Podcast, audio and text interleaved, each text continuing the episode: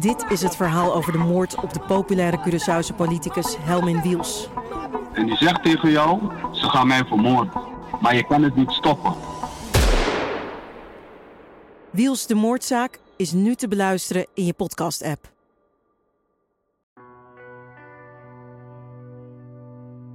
Nadat ik op die najaarsdag in Nuland Truus Kuipers verhaal heb gehoord, heb ik mijn aandacht verlegd naar Mirjam's Chileense oma, Gertie Vogel. De vrouw met wie Mirjam en haar adoptieouders jarenlang contact hadden gehouden, die voor haar zorgde in de eerste paar maanden van haar leven, via wie ze naar Nederland kwam. En die boos werd toen ze over haar afkomst begon. En ook de vrouw van wie Truus zegt dat ze kinderen verkocht. Maar ik kan haar niks meer vragen, hoe graag ik dat ook zou willen. In 1972 was Gertie Vogel al 62 en ze is inmiddels overleden. Zij had de enige kunnen zijn die een antwoord kon hebben op een van mijn belangrijkste vragen in dit onderzoek. Hoe is de adoptie van Mirjam gegaan? Of zouden er toch nog andere mensen zijn die er meer van weten?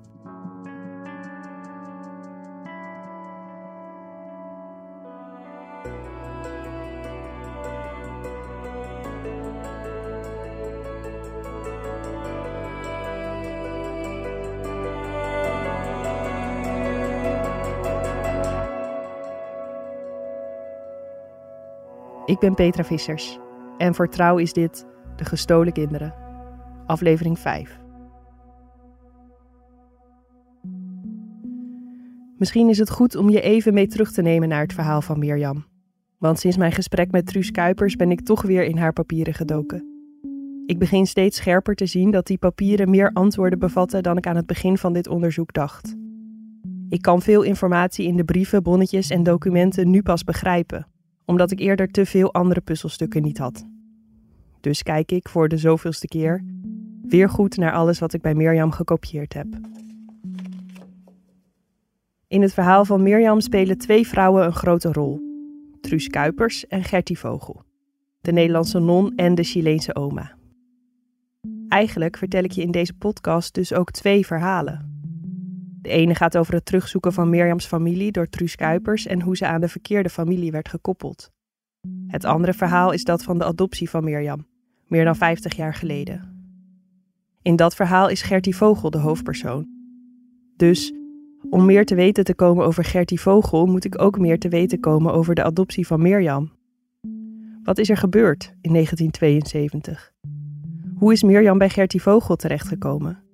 Kan ze inderdaad gestolen zijn of verhandeld? Verreweg de meeste van de brieven zijn afkomstig van Gertie Vogel.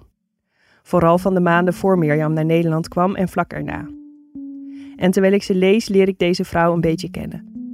Gertie Vogel legt aan Jan en Corrie uit wie ze is en zij doen hetzelfde. Er zitten brieven tussen die gaan over geld. En het is duidelijk dat Jan en Corrie eigenlijk geen idee hebben wat er allemaal komt kijken bij de adoptie van een kindje uit Chili. En dat ze er eigenlijk zo weinig mogelijk geld aan kwijt willen zijn. Wat ik ook lees is dat het waarschijnlijk niet de eerste keer is dat Gertie tijdelijk voor een kindje zorgt. De brieven gaan ook over hoe Mirjam zich ontwikkelt. Over hoe ze eruit ziet, wat voor babytjes ze is. Maar ook over de praktische zaken die komen kijken bij een adoptie.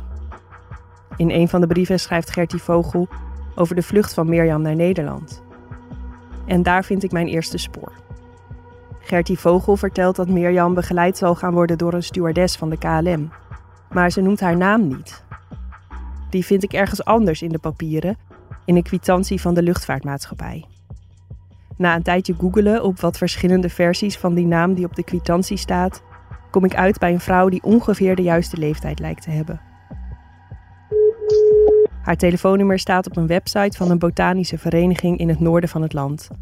Daar zit ze in het bestuur. Ja, met Ellie. Goedemiddag, met Petra Visser spreekt u van Dagblad Trouw. Ehm, ik ben op zoek naar iemand met uw naam, Ellie Bosman-Bol, die in het verleden stewardess is geweest voor de KLM. Bent u dat? Ja, Dat bent u. Oké. Nou, mag, mag ik u even storen of bel ik op een heel vervelend moment? ik wil altijd wel weten hoe u dan aan mijn naam en telefoonnummer komt. Nou, het zit namelijk zo. Ik, eh, Ik overval haar natuurlijk met dit telefoontje. Maar ze is ook behoorlijk enthousiast. Ik kijk ernaar uit en ik zie jou 4 februari. Ja, oké. Fijne dag. Goed zo, dag. Oké, dag. En Mirjam ook. Hey Mirjam. Ja, ik was net te laat. Stond Ja, met mijn kop in de was. Ja. hey, eh, raad eens wie ik heb gevonden. Nou, De stewardess. nee. Serieus? Ja. Ja. Hoe dan? Ehm, nou, zij is lid van een botanische vereniging in Winschoten. Een stewardess dus. De lijn tussen het ene en het andere continent. Misschien dat zij iets weet. Van wie kreeg zij de kleine Mirjam overhandigd? Heeft ze Gertie Vogel misschien gesproken of gezien? Ik ben welkom bij haar thuis. Ellie ontvangt me met open armen. Ze is een goed verzorgde en fitte vrouw van in de zeventig. Ze heeft kort grijs haar, een opvallende bril met ronde glazen en kleine oorbellen in. En ze heeft een foto opgeduikeld van haar aankomst met Mirjam op Schiphol. Ze vertelt dat ze nooit echt stewardess is geweest voor de KLM, maar dat ze vooral op de grond werkte voor Nederlands trots. Als secretaresse en daarna grondstewardess. Ellie had zich opgegeven en was uitgekozen om kinderen te begeleiden in het vliegtuig. Ze was jong, begin twintig en wilde iets van de wereld zien. En door kinderen te begeleiden kon dat. Meestal waren dat kinderen die bijvoorbeeld van hun ouders naar opa en oma in het buitenland gingen. Maar één keer heeft Ellie voor een meisje gezorgd dat geadopteerd zou worden. En dat meisje was Mirjam. Die reis heeft indruk op haar gemaakt. Toen Ellie landde in Chili was het onrustig daar. Een jaar later zou de militaire coup van Pinochet plaatsvinden. Er werd gestaakt, er waren rellen, aan alles was een tekort. Ze herinnert zich dat de straten van Santiago met traangas gevuld waren. Ze sliep in een hotel, maar heeft amper iets van de stad gezien omdat het te onveilig was. Ellie vertelt dat ze Mirjam eigenlijk ergens op zou halen. Maar omdat er door de stakingen geen bussen en geen taxis reden, kon dat niet. Uiteindelijk heeft de directeur van de KLM in Chili Mirjam opgehaald bij Gertie Vogel, vertelt Ellie. De directeur had een eigen auto waar nog benzine in zat. En dat laatste was geen vanzelfsprekendheid in het Chili van oktober 1972. Hier wordt het onduidelijk wat er precies is gebeurd op het vliegveld van Santiago. Ellie zegt dat ze Gertie Vogel nooit heeft gezien. Ze kan zich alleen herinneren dat de directeur van de KLM in zijn eentje aankwam lopen met Mirjam. Maar Gertie Vogel schrijft in een van de brieven naar Jan en Corrie dat zij met Mirjam en de KLM-directeur samen naar het vliegveld is gegaan. En dat zij de stewardess, Ellie dus, Mirjam heeft overhandigd. Ellie herinnert zich geen namen. Ze weet niet waar Mirjam vandaan kwam of wie haar biologische moeder is. De enige met wie ze iets van contact heeft gehad, buiten de mensen van de KLM om, is een sociaal werkster. Die moest mee in het vliegtuig van Chili naar Buenos Aires, vertelt ze. Daar stapte de sociaal werkster uit en Ellie vloog alleen verder met Mirjam naar Nederland. Maar waarom dat moest, weet ze niet. Je vraagt je misschien af waarom ik dit allemaal vertel en niet Ellie zelf. Maar de opname die ik tijdens dat eerste gesprek maakte was niet goed. Stom, maar het leek me niet heel erg om nog een keer terug te gaan, omdat ze me de vorige keer zo vriendelijk had ontvangen. Maar als ik de tweede keer bij haar ben, tref ik een totaal andere vrouw. Ze is een beetje nors, kortaf. Over alles waar ze de vorige keer zo veel en uitgebreid over vertelde, wil ze het nu niet hebben. Ze zegt dat ze het leuk vond om na 50 jaar weer van Mirjam te horen, maar dat het daar ook wel een beetje ophoudt. Ze vindt het verhaal te ingewikkeld en ze wil zich er niet in verdiepen.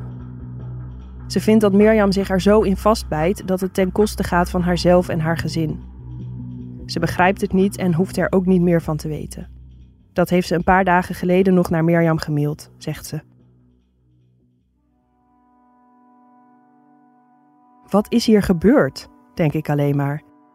En even voel ik de paranoia die ik bij Mirjam soms ook bespeur. Weet Ellie dan toch meer dan ze wil toegeven? Maar nee, ik denk dat er wat anders aan de hand is. Ik ben bang dat Mirjam haar heeft overdonderd. Ik denk dat Ellie, toen ik de eerste keer bij haar was, hoopte op een leuke hereniging met het meisje waar ze 50 jaar geleden voor had gezorgd in het vliegtuig. Maar tijdens die hereniging heeft Mirjam haar alles verteld over wat er allemaal mis is gegaan.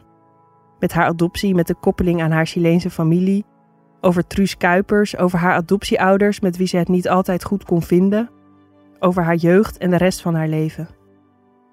Mirjam kan behoorlijk intens zijn. En ik denk dat Ellie is geschrokken van al haar vragen.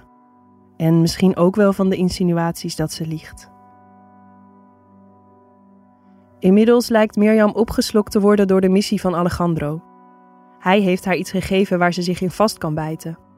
Iemand die ze verantwoordelijk kan houden voor het onrecht dat haar is aangedaan. Ook al is Truus Kuipers misschien helemaal niet de vrouw geweest die haar dat onrecht heeft aangedaan. Ik heb op dit moment helemaal geen contact meer met Alejandro. Maar soms heb ik het idee dat ik eigenlijk half met hem praat als ik Mirjam aan de telefoon heb. En hoe langer ik met dit verhaal bezig ben, hoe minder ik hem begrijp. Ik snap gewoon niet meer wat nou precies zijn doel is. Het ene moment zegt hij dat hij wil dat Truus Kuipers zich moet verantwoorden voor een rechter. Het volgende moment zegt hij dat dat van hem helemaal niet hoeft. Hij wil aandacht voor zijn zaak. Tijdens dit onderzoek probeert hij bij verschillende journalisten zijn beschuldigingen tegen Kuipers in de krant en op televisie te krijgen. Maar tegelijkertijd blijft hij zeggen dat hij haar naam niet wil noemen. Heel eerlijk gezegd, ik zie steeds meer gelijkenissen tussen Alejandro en Truus Kuipers. Er zijn ontzettend veel films waarin de held en de schurk eindelijk tegenover elkaar staan en de schurk zegt: Jij en ik, wij verschillen niet zoveel van elkaar. Batman en de Joker, Sherlock Holmes en Moriarty, Jean-Luc Picard en Shinzon. Het is misschien een beetje een cliché, maar ik moet er vaak aan denken. De held en de schurk zijn allebei vasthoudend. Ze geloven allebei heilig in hun eigen gelijk. En hun doel heiligt de middelen. De vraag is: wie is in dit verhaal de schurk? En wie is de held? Maar goed, terug naar die brieven van Gertie Vogel. Want daar komen ook best wel wat andere namen in voor. En degene die het meest voorkomt is ene Alicia. Alicia Mesa. Gertie Vogel ondertekent haar brieven vaak ook met allebei hun namen. Ik kan eruit opmaken dat Alicia een soort huishoudster van Gertie geweest moet zijn. Ze is een stuk jonger dan Gertie en ze woont bij haar in huis. Samen zorgen ze voor de kleine Mirjam. En Alicia is dol op haar, schrijft Gertie. Ze geeft haar s'nachts flesjes, ze maakt wandelingetjes met haar door de buurt. Ze wiegt Mirjam in slaap en zingt liedjes voor haar. En ze moet huilen wanneer Mirjam naar Nederland vertrekt. Als ik haar nou toch eens te spreken kan krijgen. Zij moet weten hoe Mirjam bij Gertie en haar terecht is gekomen. Ik krijg gaandeweg het onderzoek sowieso steeds meer het idee dat er een heleboel antwoorden in Chili kunnen liggen. Maar Chili is niet een plek waar je even naartoe rijdt. Dus ik kom via via uit bij Boris van der Spek. Hij is journalist en woont en werkt sinds 2017 in Chili. Ik vraag hem of hij wat meer informatie kan zoeken over ene Alicia Mesa, die in Santiago zou wonen of gewoond zou hebben. Op hoop van zegen. En dan is er nog die andere link met Gertie Vogel, haar zoon, Hans Vogel. Ze schrijft over hem in haar brieven aan de adoptieouders van Mirjam. Wat ik daaruit op kan maken is dat hij in 1972 volwassen is, dat hij op dat moment in Peru woont en dat hij gescheiden is. Verder weet ik helemaal niks over hem. Hij moet ook al bejaard zijn als hij toen al volwassen was. Ik gok rond de 80. En er is dus ook best een kans dat hij niet meer leeft. En als hij nog leeft, weet ik niet of hij wel in Nederland woont. Misschien zit hij nog steeds ergens in Chili of ergens anders in Zuid-Amerika. En dan is Hans Vogel ook nog eens een naam die heel erg veel voorkomt. Ik zoek in familieadvertenties, krantenartikelen, data van het kadaster, sociale media. Op den duur bel ik willekeurig een paar Hans Vogels. Maar het lukt me maar niet om hem te vinden. Op een dag ergens in het onderzoek zit ik met Daan op de redactie te werken. En we hebben het weer over Hans Vogel. Dat het toch wel echt heel fijn zou zijn als we hem kunnen spreken. Maar het lukt gewoon niet. We proberen het nog een laatste keer op alle sociale media. Weer alle Hans Vogels af. Op een gegeven moment zit Daan wat op zijn telefoon te pielen en zegt dan ineens: Dit zou hem wel eens kunnen zijn. Hij weet ook niet precies waarom. Qua leeftijd kan het wel kloppen, maar het is nogal een apart profiel. Met veel selfies en berichten waarin deze Hans Vogel foto's van jonge naakte vrouwen van commentaar voorziet. Nice boobs, you are gorgeous, dat soort dingen. Maar er staan ook tweets tussen met foto's van vlaggen van Zuid-Amerikaanse landen. En het lijkt erop alsof hij Spaans spreekt. Waarom ook niet, denk ik. Ik stuur hem een berichtje. En als ik aan het einde van de dag in de trein naar huis zit, krijg ik antwoord. Hij is de Hans Vogel. De volgende ochtend bel ik hem meteen. Goedemorgen, Peter Visser. Goedemorgen, meneer Vogel. Hallo. Ja, hallo, hallo. Wat fijn eh, dat u eh, even tijd heeft voor mij. Heb ik. Ja, Ik heb altijd tijd. Nou. Ik heb altijd tijd voor goede mensen. oh kijk, dat is goed om te horen. Ik, was, ik, was, ik was op zoek naar u. Nou, dat is fijn. Ja. Ik vond het heel apart. Ik denk, hoe weet, hoe weet deze dame alles? ja, ik kan me voorstellen Van dat het u een beetje verward. Ja. Zal ik het even uitleggen? Dat lijkt me heel verstandig van Ja, je. Ja. Nou, ik, ik, ben, eh, ik ben journalist. Ik leg hem het hele verhaal uit. Waarom ik naar hem op zoek ben. Hoe ik bij hem terechtgekomen ben. Hans vertelt dat hij geen echte, maar een pleegzoon is van Gertie Vogel en haar man Max. Zijn biologische moeder had hem ter adoptie aangeboden via een advertentie in de krant. Maar hij is nooit officieel geadopteerd door Max en Gertie, want daar bestond toen nog geen wet voor. Hans vertelt dat hij werd geboren vlak voor de Tweede Wereldoorlog en dat het gezin vlak na de oorlog naar Zuid-Amerika verhuisde. Om eens rustig te kunnen praten, nodigt hij me uit bij hem thuis in Nieuwekerk aan de IJssel.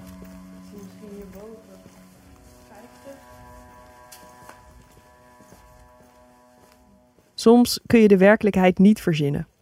En dat is maar goed ook, want als dit een fictief verhaal was geweest en ik Hans Vogel had verzonnen, had je gedacht dat ik een beetje te ver was gegaan.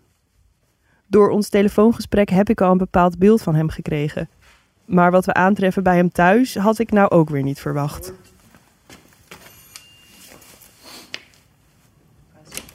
Mensen komen binnen. Hallo, goedemorgen. Excuses dat wij een beetje te laat dan kun je niet... Uh, Het huis van Hans Vogel is een belevenis op zich. Er staat keihard operamuziek aan. Midden in de kamer staat een bijna levensgroot vrouwenfiguur van iets dat eruit moet zien als wit marmer. Achter dat beeld staan zeker een stuk of 15 waterpijpen in allemaal verschillende kleuren. Er hangen vlaggen van alle landen in Zuid-Amerika en foto's en diploma's van Hans. In de hoek, naast een van zijn twee banken, staat een soort altaartje voor John F. Kennedy, de vermoorde president van de VS. Zijn foto staat op een tafeltje en eromheen staan vlaggetjes en andere snuisterijen. Hans adoreert Kennedy omdat hij vocht tegen de communisten. Hij is tegen de communisten op een manier die mij doet denken aan oude James Bond films. Het is Koude Oorlog denken. Een manier om de wereld op te delen in goed en slecht die ik alleen ken uit de geschiedenisboeken. Die woede tegen de communisten heeft hij van zijn pleegvader Max, de man van Gertie dus. En uh, Max, dus mijn pleegvader, die was dus chemicus, een bedrijfseconoom. En dat was in de jaren eind 40 was het probleem met Rusland. Die luchtbrug van Berlijn. Hmm. En toen zei Max, ik blijf niet in Nederland. Ik ga solliciteren naar Zuid-Amerika, want daar had hij ook weer relaties. Dus door die situatie van die rotrussen, want andere woorden heb ik niet. De regering dan van Rusland. Zo zijn we in Zuid-Amerika terechtgekomen. Ze wonen in verschillende landen in Zuid-Amerika en verhuizen uiteindelijk in 1953 naar Chili. Max Vogel krijgt er een baan als directeur van een sulfaatfabriek. Max was recht door zee.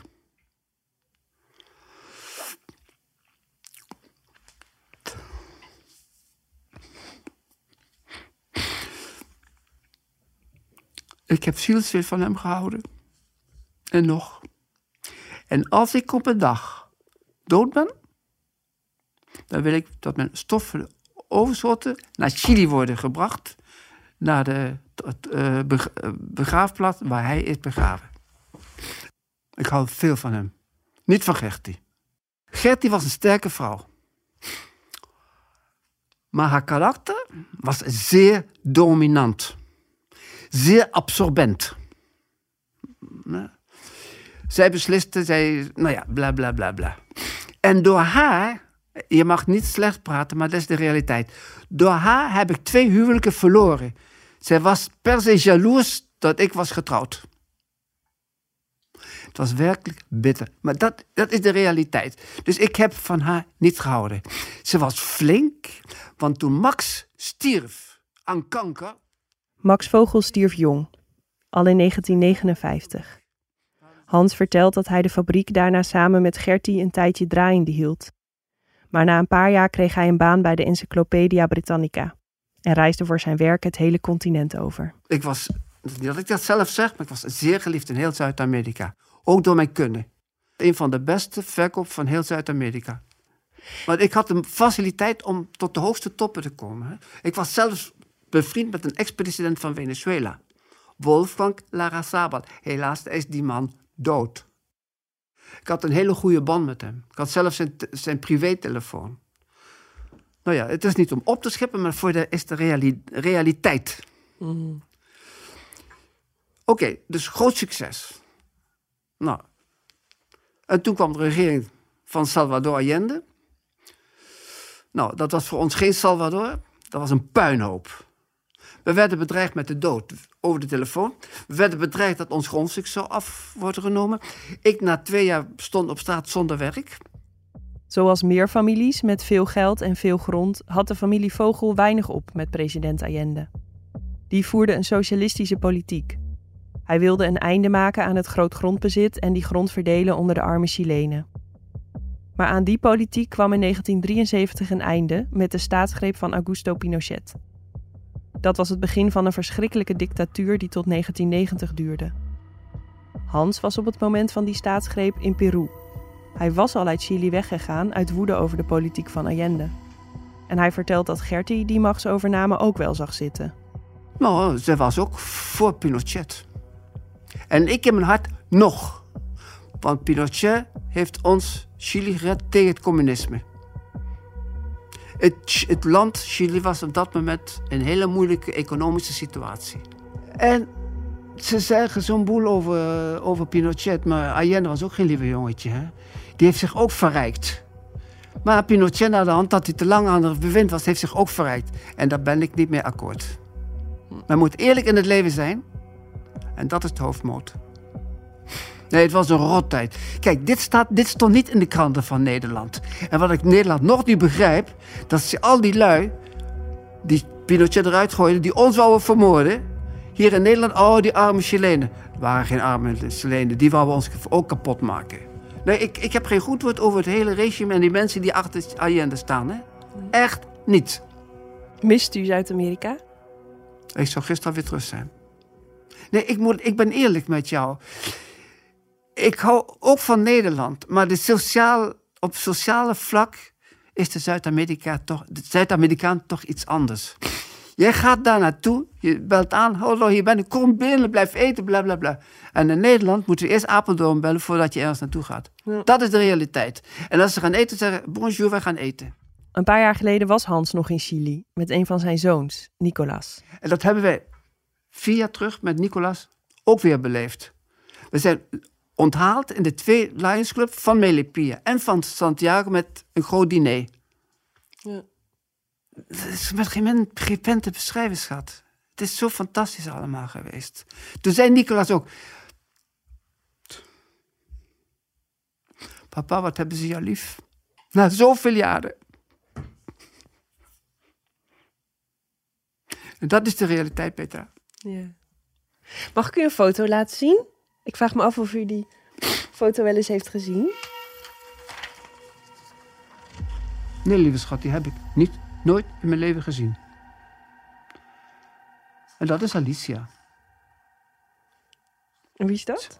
Ja, dat is Gertie. Ja, hè? Ja, hè? Sowieso. De foto die ik laat zien zat ook in Mirjams documenten. Hij is een beetje bruinig, zoals oude foto's vaak zijn. Links staat Gertie, een vrouw van in de zestig met grijs haar in een Beatrix-kapsel. Ze heeft een net zwart jasje aan en een witte blouse. Een bril met scherpe punten en kleine ronde oorbellen in haar oren. Op haar zwarte schoenen zit een klein strikje. En op haar schoot zit Mirjam, een meisje met zwarte krullen. Een popje, goed verzorgd en met bolle wangetjes. Ze heeft een wit pakje aan. Aan de andere kant van Mirjam zit Alicia. Zij is veel jonger en heeft dik zwart haar. De vrouwen kijken wat ongemakkelijk. En hoe is dat meisje dan? Dit is Mirjam. En die woonde in 1972 bij Alicia en Gertie in huis. Die hebben voor haar gezorgd voor ze naar Nederland kwam.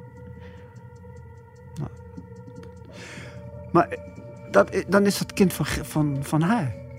Of niet? Want Alicia had een kind, dat, dat is allemaal gebeurd. En na de hand is dat kind naar Duitsland gegaan. Met die leraarfamilie. Zij is naar Nederland gegaan. Had Alicia een dochter of een zoon? Dochter. In welk jaar? Lieve schat, weet ik niet. Ik weet dat niet. Weet ik niet. Nee. Maar u weet nooit, want u woonde toen in Peru, hè, 1972. Maar Gertie heeft nooit in brieven verteld... ik zorg nu voor een, voor een meisje. Niet dat ik me herinner. Anders zou ik het gelijk zeggen. Ik ben, ja, ik ben heel to the, to, the, to the point, maar ik weet dat echt niet. Nee. Ik weet dat echt niet. En van wel- welk jaar is deze foto? Wat denk je? 1972. Ah, ook in 1972. Ja. Maar dat moet best wel gek zijn dat dit allemaal is gebeurd zonder dat u daar... nou, misschien heeft ze niks zo, eh, verder eh, over. Ik weet alleen dat Alice een kind heeft en dat kind is naar Duitsland gegaan. Dat is het enige wat ik weet. 100 procent. Maar de rest, rien du tout. Nee. En weet u, heeft zij wel eens verteld wat ze van adoptie vond? Of dat ze daar het met mensen wel eens over had? Wie, Gertie? Gertie? Nou ja, ik, ik ben nooit geadopteerd, maar ze hebben me wel in huis gehaald. Ja. Dus ik bedoel, ze, ze- het zit toch in hun genen dat ze, dat ze, dat ze helpen, eh, zo zeggen, een kind in nood. Want dat is de realiteit geweest.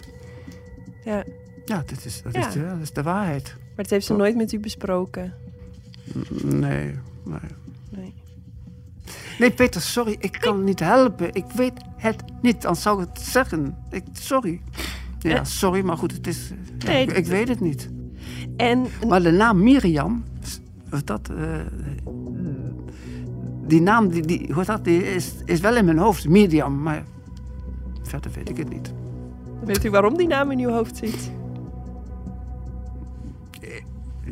Nee, ik weet het echt niet. Maar er gaat een belletje rinkelen. Ik hoop het. Heel ver weg. Ik hoop het. Wat is dit met dit onderzoek? Voor de zoveelste keer weet ik gewoon niet of ik nu voor de gek word gehouden. Want ik weet bijna zeker dat Gertie vaker voor kinderen zorgde. En ik kan me gewoon niet voorstellen dat hij daar niks van weet. Kijk, eh, koffie. Hans staat op om een plak begrafeniscake uit een tupperwarebak te geven en nog een kop koffie. Ik vertel hem dat we op bezoek geweest zijn bij Truus Kuipers. En dat zij Gertie ervan beschuldigt kinderen te hebben verhandeld. Dat wist ik niet. Dat wist ik niet. Verhandelen kinderen, dat is ook niet goed. Past dat bij haar karakter? Ik, ik zweer je, ik weet het niet. En dat is slecht wat ze heeft gedaan. Godsamme. Maar kunt u zich voorstellen dat het waar is? Ja. Nou, dan moet, als, als die, non dat, die non dat zegt, dan zal het heus wat waar zijn. Die gaat geen verhaal, geen, geen fabeltje vertellen. De non moet je vertrouwen. Zo zie ik dat. Maar dat is erg. Ja, ja misschien heeft zij ook, vertelde zij ook niet alles tegen mij. Hè? Dat, dat, dat, dat, dat weet je soms niet. Ze zegt, ja, dat vertel ik, maar dat andere vertel ik weer niet. Het is allemaal af en toe zo... U, en maar u zegt, Gertie was, was flink, hè? Maar ook heel dominant. Ja, Maar was zij eerlijk? Goeie vraag. Ja, zo op het oog wel. Maar wie eerlijk was, dat was Max. Dat was een man recht door zee. En kunt u iets vertellen over ehm, Alicia Mesa, die lang bij Gertie in huis heeft gewoond? Alicia Meester is een heel goed mens. Die heeft Max ook verzorgd toen hij zo ziek was. Hoe? Dag en nacht is hij verzorgd. Door Gertie en door Alicia. Alicia is eigenlijk opgenomen als een, als een familielid. Hoe, hoe, hoe hebben jullie Alicia leren kennen? Ja, die was tijdens in, eh, in die stad waar wij woonden, Melipilla. Dat was de stad Melipilla, een aardige stad. Daar ben ik dus vier jaar terug ook geweest. Dus. Nou ja, ze is opgenomen en, en ja. Kwam, zij, kwam zij als werknemer of kwam zij als een soort, ook als een soort pleegkind bij jullie? Nee, ze kwam gewoon als, ja, Nederlands gezegd, werkster. Maar Max zei, deze vrouw moet me heel goed behandelen en niet op de tweede plaats. Maar hij was menselijk. Daar gaat het om.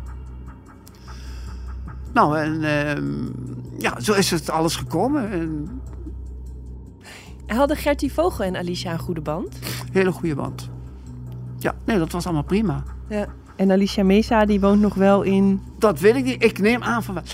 Ik denk zelfs dat toen Gertie stierf, dat Alice het huis van Gert heeft overgenomen. Dat ze zegt, dat is voor jou. Ja, want Dat, u heeft... lijkt, dat u- lijkt mij. Ik, dat lijkt mij dat dat gebeurd is. Maar ik ben er nooit meer naartoe geweest. Want dat huis is, heeft u niet georven.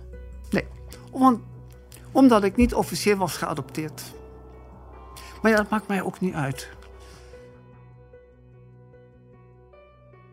Hans weet dus van niks. Hij heeft nooit ook maar iets gehoord van dat zijn pleegmoeder maandenlang heeft gezorgd voor een baby. En nog steeds vind ik dat eigenlijk maar een raar verhaal. Maar goed, ze hadden een slechte relatie en ze zijn gebrouilleerd geraakt. Hij weet niet eens wanneer Gertie is overleden of waar ze begraven ligt. In de weken na het interview met Hans krijg ik nog regelmatig berichtjes van hem.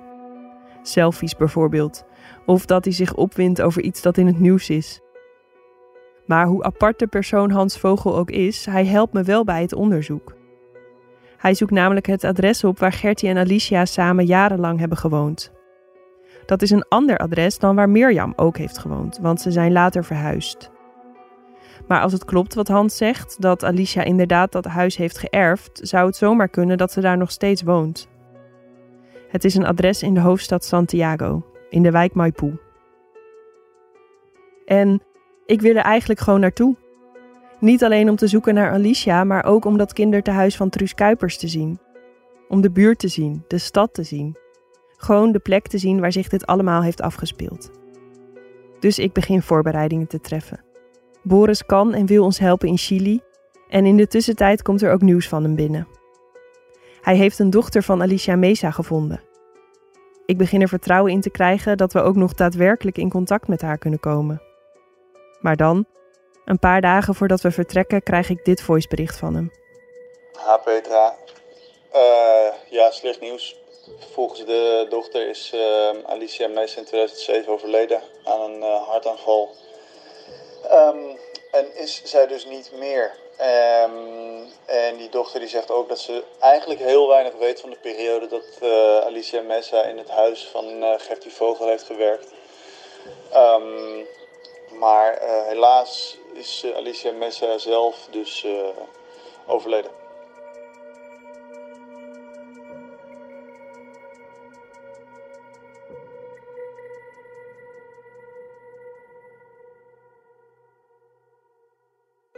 In de volgende aflevering van De Gestolen Kinderen vind ik een oude vriend. Hoor ik over de eerste weken van het leven van Mirjam. Zij denkt dat, die, eh, dat het beschuldigingen zijn. mala, van ¿cómo het una monja puede ser así? Ja, dat een non dat soort dingen niet kan zeggen. Como. En ontdek ik meer over kindertehuis Las Palmas. Hier, kijk die video uit Chili. Ik heb je gevonden, ik sluit je in je armen van je moeder. Ik heb helemaal niks gehoord. Niks.